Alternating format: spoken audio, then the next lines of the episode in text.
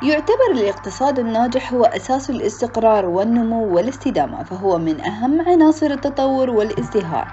ولماذا من قيادتنا الرشيدة بأهمية الانفتاح الاقتصادي والمالي؟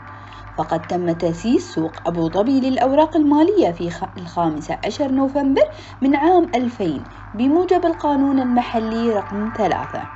وبموجب هذا القانون فإن السوق يتمتع بالشخصية الاعتبارية والاستقلال المالي والإداري وبالصلاحيات الرقابية والتنفيذية اللازمة لممارسة مهامه. ليكون بذلك وجهة لإدراج وتداول الأوراق المالية بجميع أنواعها ويصبح السوق الابتكاري الأول والداعم حيويا لنمو اقتصاد لدولة الإمارات العربية المتحدة. وتقديرا لجهود السوق في مجال أمن المعلومات وضمان أعلى مستويات الخصوصية للمستثمرين.